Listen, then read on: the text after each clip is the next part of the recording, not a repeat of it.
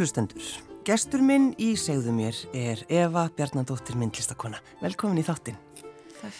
Hvernig er veðrið á Fagarhólsmýri? Já, það er nú alveg, það er nú örgla rók, það er oftast rók á mýrni. Já. Það er hérna, já. Er þetta nú eitthvað svona sem eh, hefur hljóma, það, er, eru veðurskettin sem koma þaðan? Já, það er alveg rétt. Það er kannski svona, það er kannski helst í gegnum veðurfréttina sem að fólk þekkir Fagarhólsmýri og hérna, og, og var svo sem líka bara svona partur í því að, að alast upp með annan fótinn á Fagarhólsmýri að fylgjast með því þegar að, að veð, veðri var tekið og, og regnvatni mælt og, og hérna, já. Já, þannig að þú, þú mannst þetta þessu þegar að það þurfti að gera þetta, þetta var ekki eitthvað bara svona... Já, í rauninni sko þá þetta var á næsta bæ við okkur þar sem að veðri var tekið þegar, þegar ég var að alastu upp og síðan, síðan meir þegar ég var svona farin að stálpast að þá tók, uh, þá tók uh, móðurbróði minn við þessu og, og eftir honum móður sýstir mín. Og, og svo er það ekki fyrir en, já ég þónu ekki alveg að, dagsetja það en það eru svona tíu ár síðan eitthvað svoleiði síðan að það kom sjálfvirk veðurstöð. Já, já, já. og, og svona síðan þá að þá er þetta kannski svona meira eitthvað sem maður tengir við í gegnum útvarpið. Mm en hérna, en já. En mannstu eftir þessu Eva þegar þau fóru þarna og þurftu að gera þetta að, að taka veðrið eins og sagt er? já, alveg klálega sko og, og þetta var líka þannig að að því að e, eins og þegar við krakkarnir við vorum mest þrjú þarna saman í sveit þegar ég var barn og við vorum með okkar veðurstöðu neyri klettum þar sem við tókum veðrið okkar Já, já, já. þetta var einhvern veginn bara svona þetta, þetta var svona mjög, mjög eðlilegur partur af umhverfinu Já. þannig að, já, já, sannarlega sko það, En hvernig var að vera í sveit þarna í Fagarhólsmýri, á Fagarhólsmýri, Eva? Ég held að sko fyrir mér sem badna þá, þá þetta var þetta bara, uh, ég kannski, uh, þetta var bara hluti af heimili mínu að vera þarna. Ég var þarna mikið til sko á sumrin og, og líka, þegar ég var lítil þá var mammi námi og þá var ég þarna stundum að vetri til og, og svona þegar ég fór að, eh, vinna með skóla þá kom ég oft þarna og vann á sumrin þannig að, að þetta einhvern veginn hefur verið bara svona fastur punktur í, í minni tilveru alveg allt frá barnæsku. Já. En þetta er svo, það er svo margt svo áhugavert á þessu svæði. Það er náttúrulega, býtu það, það er flugvöllur, er það ekki? Jú, það er flugvöllur þarna. Já. Maðurinn minn gerir endur alltaf grína mér því ég segi þetta sé flugvöllur. Já. En, en, en, en það er flugvöllur. Já. Það er hérna, hann er náttúrulega, sko, hann er kannski ekki eh, mikið notaður í dag en, en það er alltaf, eh, sko, hann er valtaður einu sinni á ári og er í umsjá eilstaða flugvallar. Þannig að e, og eru, þetta eru bara svona enga flugvölar sem lenda þarna í dag, örfára ári kannski, kannski tíu, það, þú veist, það er ekki hægt að segja þessi mikil notkun á, á vellinum en hérna. En hann er vissulega sko bara mikill partur af okkar svona e, nánasta umhverfi því að já, þetta er mikið flæmi. Já. En í gamla dag var þetta náttúrulega bara hjartað einhvern veginn. Það var, var öll viðskipti í gegnum flugvöllin það ekki? Jú, það má segja það sko, það, þetta kannski þróast e, svona með, þetta þróast e, sko á 20. öldinni þannig að, að sem sagt, til að byrja með það þá, uh, þá er fólk algjörlega bundi því að fara annarkort fótgangandi eða, eða ríðandi og hesti út af svæðinu og síðan þarna um 1916 til 1918 þá, uh, þá fyrir skaftfellingur að sigla meðfram söðurströndinni og fer þá að færa okkur vörur í sagt bara sjóleiðis og þá var uppskipunabátur sem að tók við þeim vörum og, og eh, þegar að það var farið að slátra heima að þá er unni sem sagt að því að þetta var náttúrulega uh, söðfjórbúskapur var helsti, eh, helsta lífæð Mhm. fólks á þessum tíma að þá, uh, þá voru kjötflutningar líka með skaftfellingi í nokkuð mörg ár. Já. Þanga til að síðan er, sagt, e, það er, það koma þarna menn um 1940 og, og sjá, eða skoða, skoða örafinn og, og sjá þetta sem álitlegt svæði fyrir, fyrir flugvöld, þannig á Fagurlsmýri, þannig áraur, þetta eru jökul áraurar sem sem eru mjög líklega sko bara frá því 1362 að, hérna, að, að þá hafi hlaðist upp þessi auður þarna fyrir framann hjá okkur þar sem að flugvallastæðið er og, um, og hérna e, og síðan er það þá þarna frá 48 og allt til e, 74 þegar að, þegar að, að ringvegurinn opnar mm. til vesturs sem að þessi flugvallur er notaður talsvægt mikið og, og það var þá sem sagt eh, þegar að, þegar að það var byggt sláturús þarna á Fagurúlsmýri 1958 að, að þá, uh, þá var það fyrst um sinn þannig að sem sagt uh, og í talsveit mörg ár að það að kjöti var allt saman flutt með flugvilum. Já. Það var engin fristir í sláturúsinu þannig að þá í rauninni fór all vinslan fram þarna á Fagurúlsmýri og og síðan fór það bara eftir því hvort það veri flugveður, hvort það hægt var að slátra því að ef það var ekki flugveður að þá var það býða með slátrun já, já, já. Í, í einhverja daga eða, eða eitthvað tíma þar til að, að það var í rauninni bara uh, reynilega hægt að flytja kjötið út á svæðinu. Allt tengist þetta veðrun og fagarhúsmýri? Já, það má ég lega segja það. það. Veðrið er mjög, mjög stór áhrifavaldur. Já, en var, var ekki einhver tíma líka bara, var þeim ekki stundum bara smalað inn í flugil og jú, það? Jú, það, það var líka þannig að það fyrir var líka selt að fæti Já. og hérna, það var alveg talsvart um þá á tímabili og hérna og, þá, þá var það eitthvað sem var bara gert í samfunum við bændur í sveitinni að, að selja líflömm sem að, það var kallað En eh, sko það er einhvern veginn svo mikil, maður ímynda sér einhvern veginn, það er svo mikil kraftur þarna einhvern veginn, öðræfin, mm. þetta svo, þetta er svo ótrúlegt svæði. Mm. Finnur þú fyrir þessum krafti? Já, ég held að, sko ég, ég persónulega er bara óbúslega tengt vindinum, hreinlega. Já. Það er, það er mikil, mikil vindur í, það er mikil róka fárulsmýri og, og einhvern veginn þá, þá finnst mér það að vera mjög áhugavert afl sem er svona hluti af hverstags, eh, eh, hversteginum hjá okkur en eh, og svo, er, svo eru áhrif jöklana og fjallana hann í kring bara ótrúlega mikil án þess að ég sé kannski sjálf upp á jökli dagstaglega eins og mjög margt af fólkinu í kringum mig sem, a, sem að hefur lifibröð sitt af því að starfa á jökli eða í fjallamennsku já, já. að þá er, þá er orkan sem, sem sko bara skapast í svona umhverfi bæði með þá þessi, þessi miklu fjöll en, en líka með víðáttunni. Mm -hmm. Mér finnst víðáttan alltaf að vera eitthvað sem að bara ég áttaði mikið á því fyrir en að ég sko fór svona almennilega heimann hvað ég var í rauninni háð víðáttunni já. og rókinu, þú veist, hvað, hvað ég eitthvað neins svona bara, já. Og ég meina þú ferði til Hollands og, og ferði að læra þar, þar er allt neins létt og...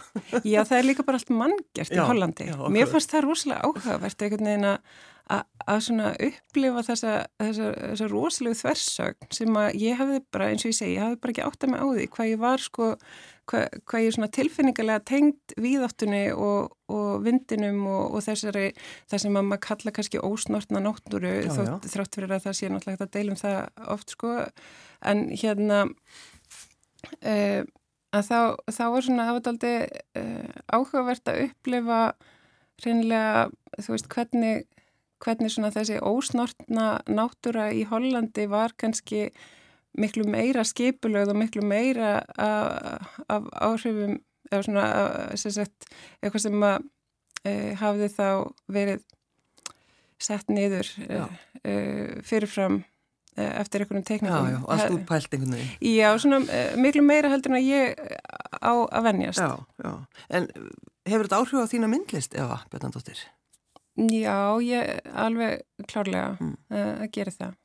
Það er hérna Uh, síðan ég kom heima þá, uh, þá hef ég verið mjög svona uh, það, það sem að kannski svona er um, mér mikilvægast er, a, er að vinna við, með staðbundin efni við og, og, og skoða það sem er bara í nærumkvörunum mínu og, og er í hversteginu mínum mm -hmm.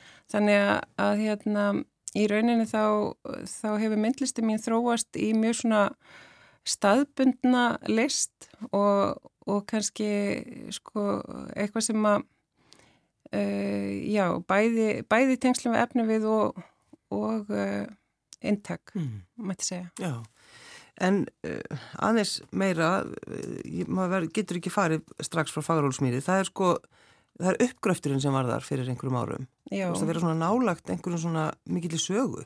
Einmitt. Það er bær. Já, já. Segðu okkur eins frá því.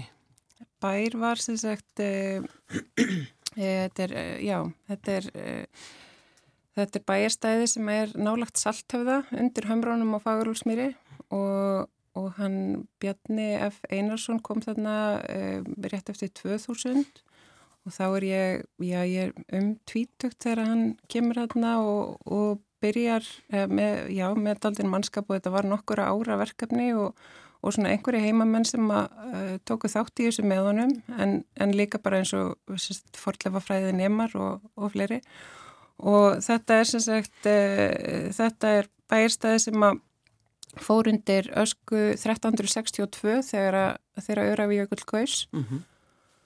og, og er talin uh, mjög merkilegur og, og hérna uh, þetta, þetta góðs þarna 1362 var kannski svona uh, sko, þeir staðfestu það þarna í þessum uppgreftir að þetta hefði verið svona svo kallar gusthlaup sem að var þá sambarlegt eins og það sem, við, það sem að gerast í Pompei á sínum tíma það sem að, það sem að, að sko gjóskan uh, fer hátt upp í loft en fellur síðan niður af eigin þingd og í rauninni bara flæðir niður eins og, eins og árflaumur mm -hmm. og eigðir upp öllu súrefni þannig að það, það drefst allt kvikt uh, ef eitthvað er og hérna uh, það sem að þeir gerðu þarna sem var, var aldrei áhugavert var að þeir, þeir settu upp eins konar sko Veist, þegar þeir voru búinir að grafa upp þarna að þá skilduður eftir eins konar líkan ofan á rústunum.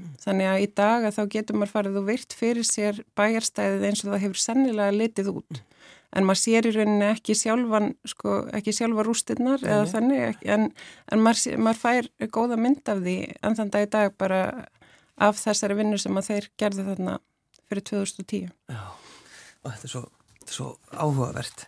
En um, gamla slátrúsið og svo gamla kaufélagi líka, er þetta allt saman á fagarhólsmýriða? Já, þetta er í rauninni sko, það, það eru, það er svona verslunarsagan er mjög tengt samgöngunum, þú veist það var fyrst, eh, það var fyrsta verslunaröfinga var út í Salthöfða sem er þá nær sjónum. Og það var bara svona eins og vöruhús þar sem að, þar sem að uh, var lager og, og fólk gæti samt komið á einhverjum vissum tímum og, og verslað.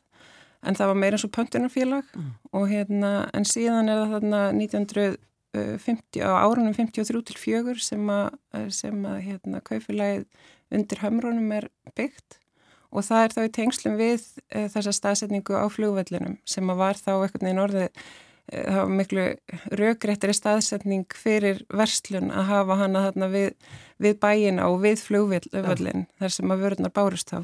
Svo er maðurinn að gera grína þessum flugvelli. Já, ég veit að það er alveg. þetta er hundi hug. Ég segi það.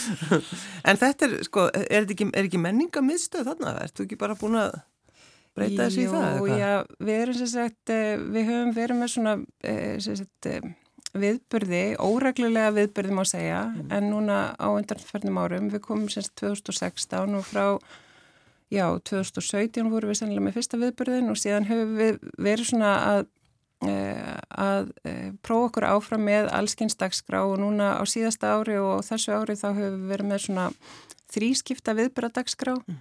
þar sem að þar sem að við hefum uh, eh, bóði listamannum að koma uh, og, og vera sagt uh, undirbúa síningu sem að, sem að er þá sínda á okkur um vissum degi og hérna og við hefum þá gert svolítið mikið úr þessum þremur dagsetningum Um, en, eh, en þetta er eitthvað svona sem að kannski uh, já, uh, þetta, þetta gerist kannski ekki alveg í einu vetfangi að þetta verði rótgróið og, og hérna algjörlega formfast heldur erum við enþá bara daldið að prófa okkur áfram með hvað virkar mm. og, og hérna uh, og kannski svona framtíðar uh, áfónum væri að vera með eitthvað svona listamanna res residensju eða eitthvað slíkt en það er svona eitthvað sem er uh, ennþá óljóst hvernig já, verður. Já, það fer bara eftir vindunum. Já, það fer eftir vindum, veðru og vindum. veðru og vindum. En uh, sko, mér langar svo að vita af hverju búið þarna efa? Já, við, sem sagt, ég var hann í námi út í Hollandi og, og útskrifast 2016 og uh, við vorum kannski bara svona aðeins óvist með það hvert við ætluðum að stefna að ná með loknum aðrum enni sænskur og hérna uh, en við uh, já, ég, ég fekk símtal frá þáverandi skólastjóra sem að sem að sem sagt bauð okkur að koma austur og, og taka við kennslu í, í einn vettur og hérna þannig að við komum inn í öræfinn þannig að við við tókum við þarna störfum í skólanum og, og hérna bæði þá sagt, í leik og grunnskólanum. Og Hva, Hvað kennir ma maður þinn? Maðurinn minn er með leikfimi og, og matreslu og, og hérna og svo kerir hann skólabílinn og eldar matin honni í börnin þannig hann er svona allt í öllu, má segja Kennur hérna, öllum sænsku vonandi? Jú, jú, hann kannski gerir það svona ósélrátt. en, og varst þú þá að kenna myndlist eða hvað kendi þú? Ég var hérna, ég var nú svona mest megnis á leikskólanum já. og ég var, já, ég sá um unlingadeildina einn vetur en, en svo hérna var ég svona meira á leikskólanum. En þegar þú sagði við, spurður, spurður þess manniðinn, eigum við að flytja á fagarhólsminni, minnst þetta er svo eitthvað, að minnst hann að sagt já. já, herðu, sko, ég bara fór með hann, ég, fór með hann í heimsókn, ég bauð honum koma og, og vera, vera með okkur um jól, reystan þegar við vorum nýlega byrjaði að vera saman Sniðut, hérna, myrkrið. Já, ég held ekkert neður sko það var eitthvað svona, hann kannski heldur sá ekkert svo mikið, það var, það var bara í svartasta skamdeginu Mjög sniðut Já, já. En, en ég, það var eiginlega kannski meira hann sem að svona sá eitthvað möguleika frekar eldur en ég og, og svona að því að fyrir mér var þetta alltaf eitthvað svona útópía, ég myndi enda í örafonum að því að þú veist, auðvitað er þetta svona sá staður sem að er, sko, er, er hjarta mínu næst mm. og hefur verið alla tíð en, en ég held ekkert neina að já, ég hefði kannski sjálf ekki haft kjark í þetta ef að, ef að hann hefði ekki svona sko haft, haft svona mikla trú á sig og hérna og þannig að Já, síðan þetta var nú kannski bara svona að hugsa sem einn vetur þarna uppáflega en, en svo eh, byggðum við okkur lítið hús þarna við sláturhúsið og, og byggum þar í tvö ár og hérna og já, við í lengtumst bara, við, við erum enni í örfunum og ég held að, já, nú erum við að byggja okkur hús sem, að, sem við ætlum að, búa í svona til framtíðar og ég held að við séum ekki að fara. Nei, nei. Þetta er svo mikil breyting frá, sko, frá að vera í Hollandi og flytja svo uh, þarna á Fagarhólsmýri. Hvað með, þú veist, gömul frumbriða, er það ekki? Jú, það, hérna, það, mér, ég allavega, ég uppgötvaði það því ég var ólétt, ég hef aldrei heilt þetta hugtak, mér finnst þetta mjög áhugavert, en já, við, við egnumst batt fyrir uh, rúmlega tveimur árum, hann verið þryggjar núna á, á þessu ári. Já. og hérna, uh, þannig að þá var þetta líka orðið þannig sko að því að það er nú ekki mörg börn á, á leikskólinum að hérna, að þá var sérst maðurinn minn í eldúsinu og ég var á leikskólinum og, og, og svo var ég komið með barnið mitt inn á leikskólan, þannig að og það voru fimm börn á leikskólinum þannig að, þannig að hérna, já. En jú, það, það er bara það er eitt og sér að eignast barn er alveg ótrúlegt ferðalega og mjög áhugavert og, og mikið lífsreynsla bara. Mm. eitthvað sem að En þú er búin að sætta þið vita, ég, við vorum um þetta ef að hlæja þessu að aðnum við setjum þetta inn því þetta er svo, einhvern veginn þeim bara kallaður gömul frumburja Já Já, þetta er svo dýrslegt já. og í rauninni ótrúlega hranalegt en hérna en mér, já, mér fannst þetta alltaf hálf fyndi bara Já, hérna, já. En ef þú lýsir myndlistinniðinni ef þú erst búin að tala um þetta, þetta það er þarna svona efni og eitthvað svona Hva, hvernig getur lýst lýst þig hvað þú gerir? Já, sko við hérna, já, ég er uh, ég hef mikið verið að vinna bara með þann efni við sem að ég hef fundið þarna í e, í sláturúsinu og í gömlebóðinu núna á undanförnum árum. Mm. og hef þá verið að vinna með rið talsvert, hef verið að prenta myndir og, úr riði sem að, sem að ég mala þá niður, þetta er bara, er bara handáskendir riðgæðir hlutir sem eru svona farnir að molna í sundur og, Já, og sem, þú finnur, sem þú fannst þarna eða finnur. Já, en, sem en að þá, það er ekki búið að taka allt til. Nei, rauninni kannski, ég get alveg fyrir tímislegt að það, en hérna, þetta er eiliða verkefni mm. en uh, já, þannig að það kannski var svona eitthvað sem ég fór að vinna með þarna fyrir, uh, já það er nú komið þrjú ár síðan að ég byrjaði á því og, og hef síðan verið aðeins að þróa það.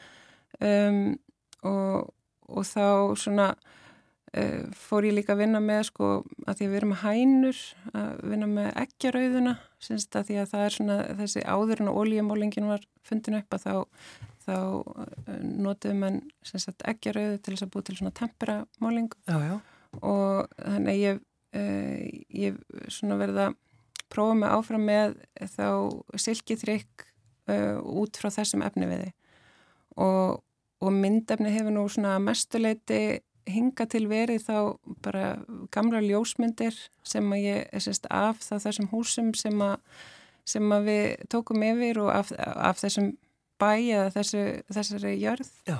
og hérna og, og svona þá ákveðin tilrönd til þess að tala e, í gegnum tíman í gegnum efniviðin og hérna og þá hef ég prenta líka á sko fundna hluti eins og gamla viktarsæðila sem að voru bara í gamlubóðin í stöplum og allt mögulegt sem að þú veist í rauninni já, sem að eh, þetta var svo mikill efni viður og margt af þessu náttúrulega sko í rauninni kannski eh, ekkert sem að, eða lang flest af þessu, eitthvað sem að ekkert verðgildi er í, nei, nei. en hins vegar, hins vegar fannst mér svona áhugavert, þetta var aldrei svona eins og einhver fordlefa uppgröftur á sko hérna ekki mjög löngum tímaskala en hérna en að, að svona virkja þennan efnivið sem að var þarna til staðar Já. og það er kannski það sem við gerum síðan líka með þessu með þessari húsbyggingu sem að síðan er, er orðin hluti af minni vinnu að því að, að því að kannski sko eins og þessi síningarna sem ég var með uh, austur á höfn og hún, hún fjallar um þetta hús. Í gatt sko þegar, þegar Snæbjörn hafði samband við mig þarna, sem er sapstjóri á, á Svavasefni að, þá uh, hérna uh, sko gati í raunin ekki unni með neitt annað heldur en þessa húsbyggingu sem að ég er einhvern veginn búin að vera á kafi í og, og við hefum svona eh, sko í rauninni grínast með að þú veist að, að við erum meila orðin að húsi Já. þú veist fyrir löngu síðan og hérna en, en kannski í rauninni að þá þá var það bara svona ákveðin leið til þess að að búa til þessi tímamóta, að búa til íbúðarhús, að, búa til síningu í kringum þetta Já.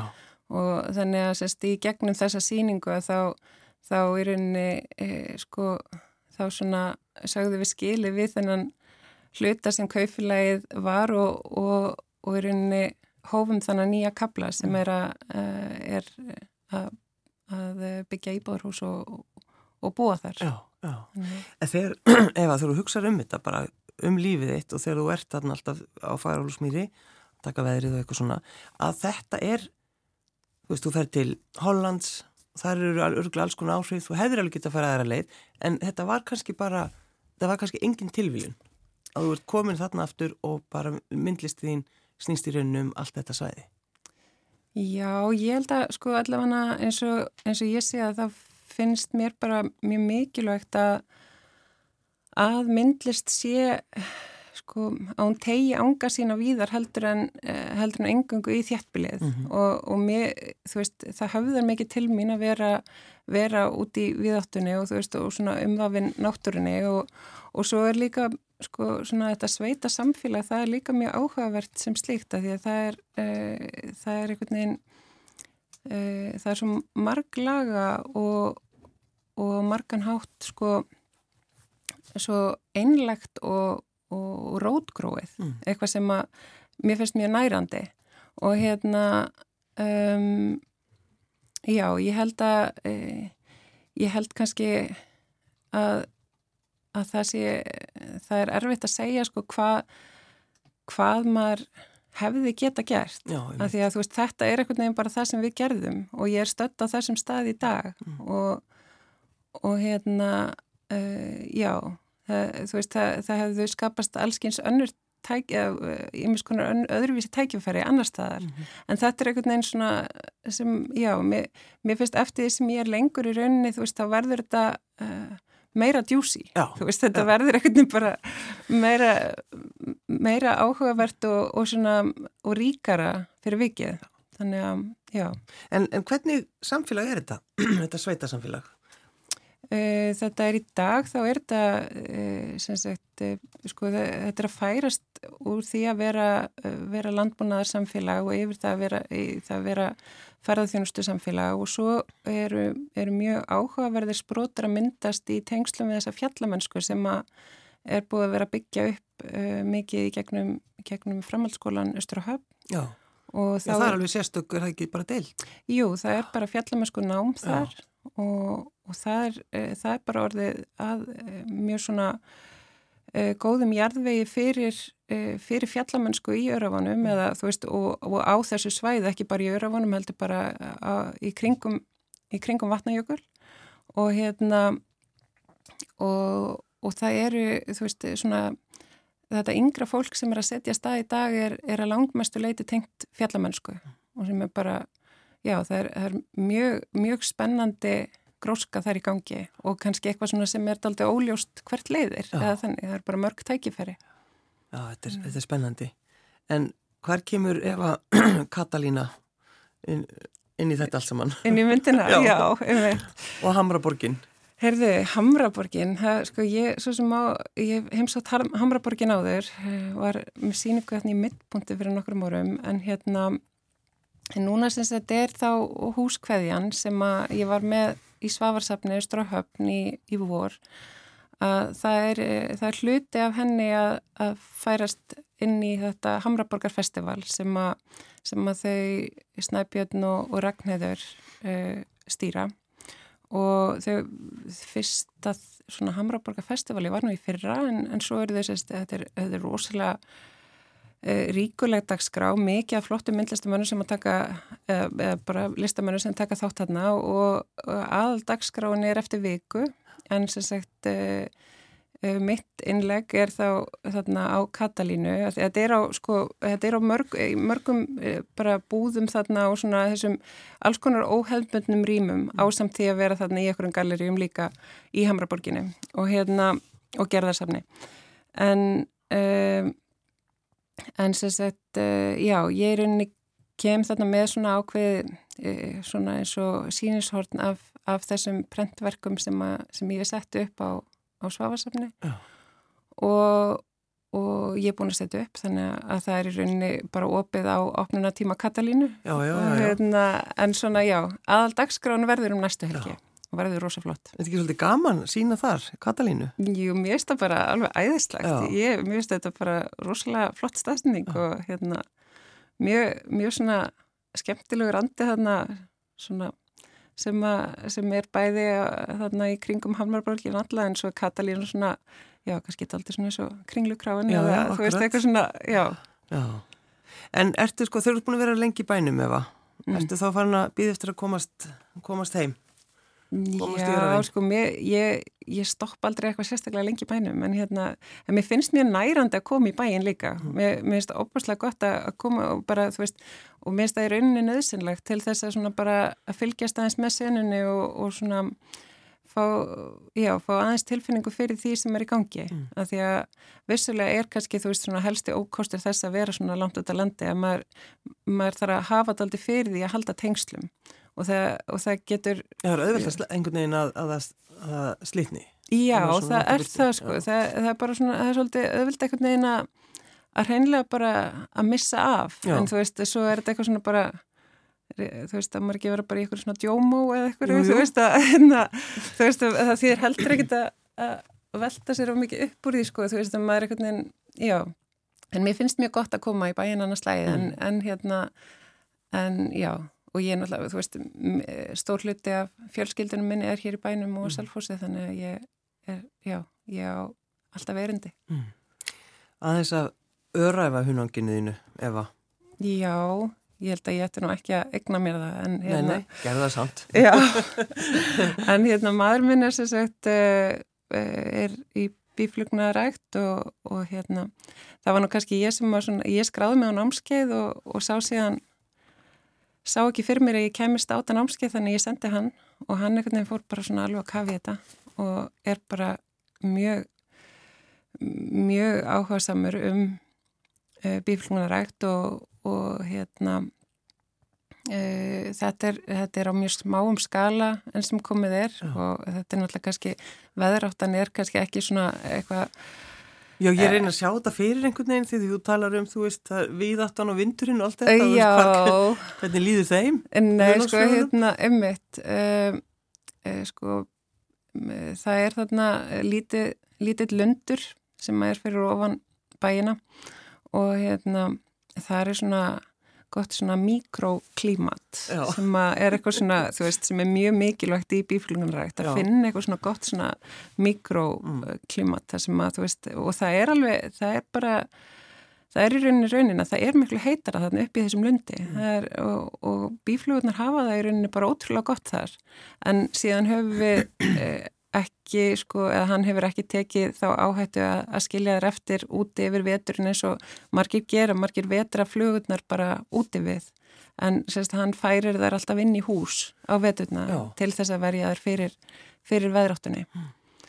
en já, síðan hefur hann verið að núna í sömar hefur hann verið að uh, með tilröðinaverkarni þar sem að hann fór uh, í meðalandi þar sem er repjurækt og er í samstarfi þar við bændur sem eru með alveg algjört blómahaf. Þetta er ótrúlega já, þetta er mjög mjög gaman að sjá sko bara hvernig hérna að því að það, það kannski svona setur uh, þessa bíflugnarækt í annað samhengi að þú veist að það er bara svo mikil gnæð af, uh, af sko hérna uh, blómsafa og, og frjókotnum að, að sem sagt að þar er hann að fá allt aðra upplifun og allt aðra, uh, aðra, aðra forsendur til bíflugunaræktunar. Þannig að það er alltaf spennandi að, að hérna, sjá hvert það leiðir og fyrsta uppskýran af því var, núna, var núna bara sem sett í þar síðustu viku. Hann var að taka hunang og, og hérna, já, þannig, og svo er enda líka svolítið skemmtileg tilviljun að sett er, e, þetta er uh, í tengslum við Sandtól sem er, uh, sem sagt, uh, er að selja í búðir bæðir epjóli og, og havra en bíflugna búinarspettir þau eru staðsett á efri ei sem er sem sagt sem er fæðingastæður kjærvals sem mér fannst náttúrulega raunni ótrúlega ótrúlega skemmtilega og svona dyrma tenging í rauninni Þetta kjærval hafi ekki verið uppalinn í meðalandina, þá var hann fættur þar. Hann er fættur þar, akkurat. Já, já, og einmitt það sem að bíflugurnar okkar eru þá núna. Þetta er bara, þetta er allt saman, sko, þetta hefur allt ástæði, allt, allt frábært einhvern veginn. Já, já. einmitt. Þannig að hunangi er undir áhrifum frá kjærval, það er gott. Eva Bjarnandóttir, myndlistakona, takk fyrir að koma. Takk fyrir mig.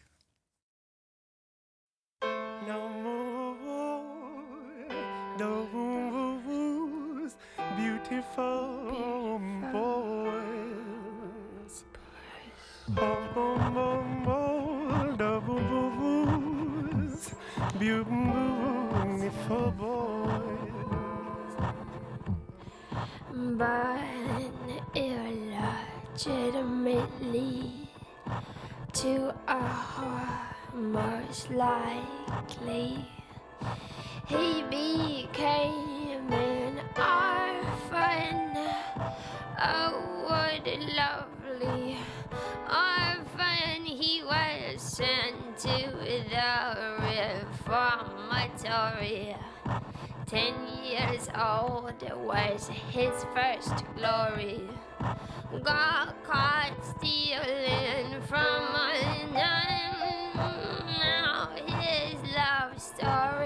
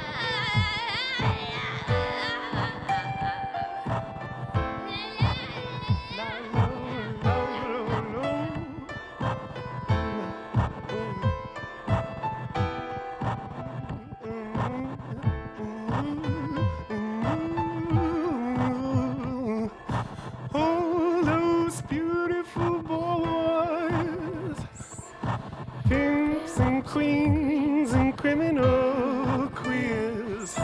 All those beautiful boys.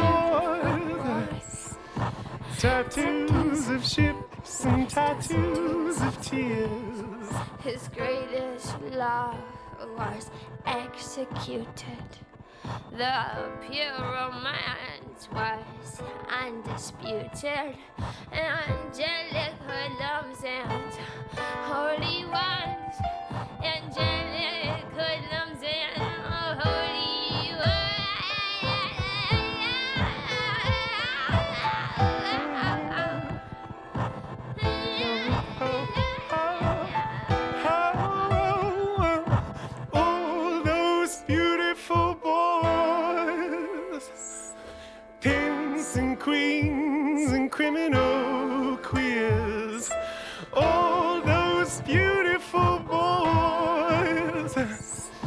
tattoos of ships and tattoos of tears.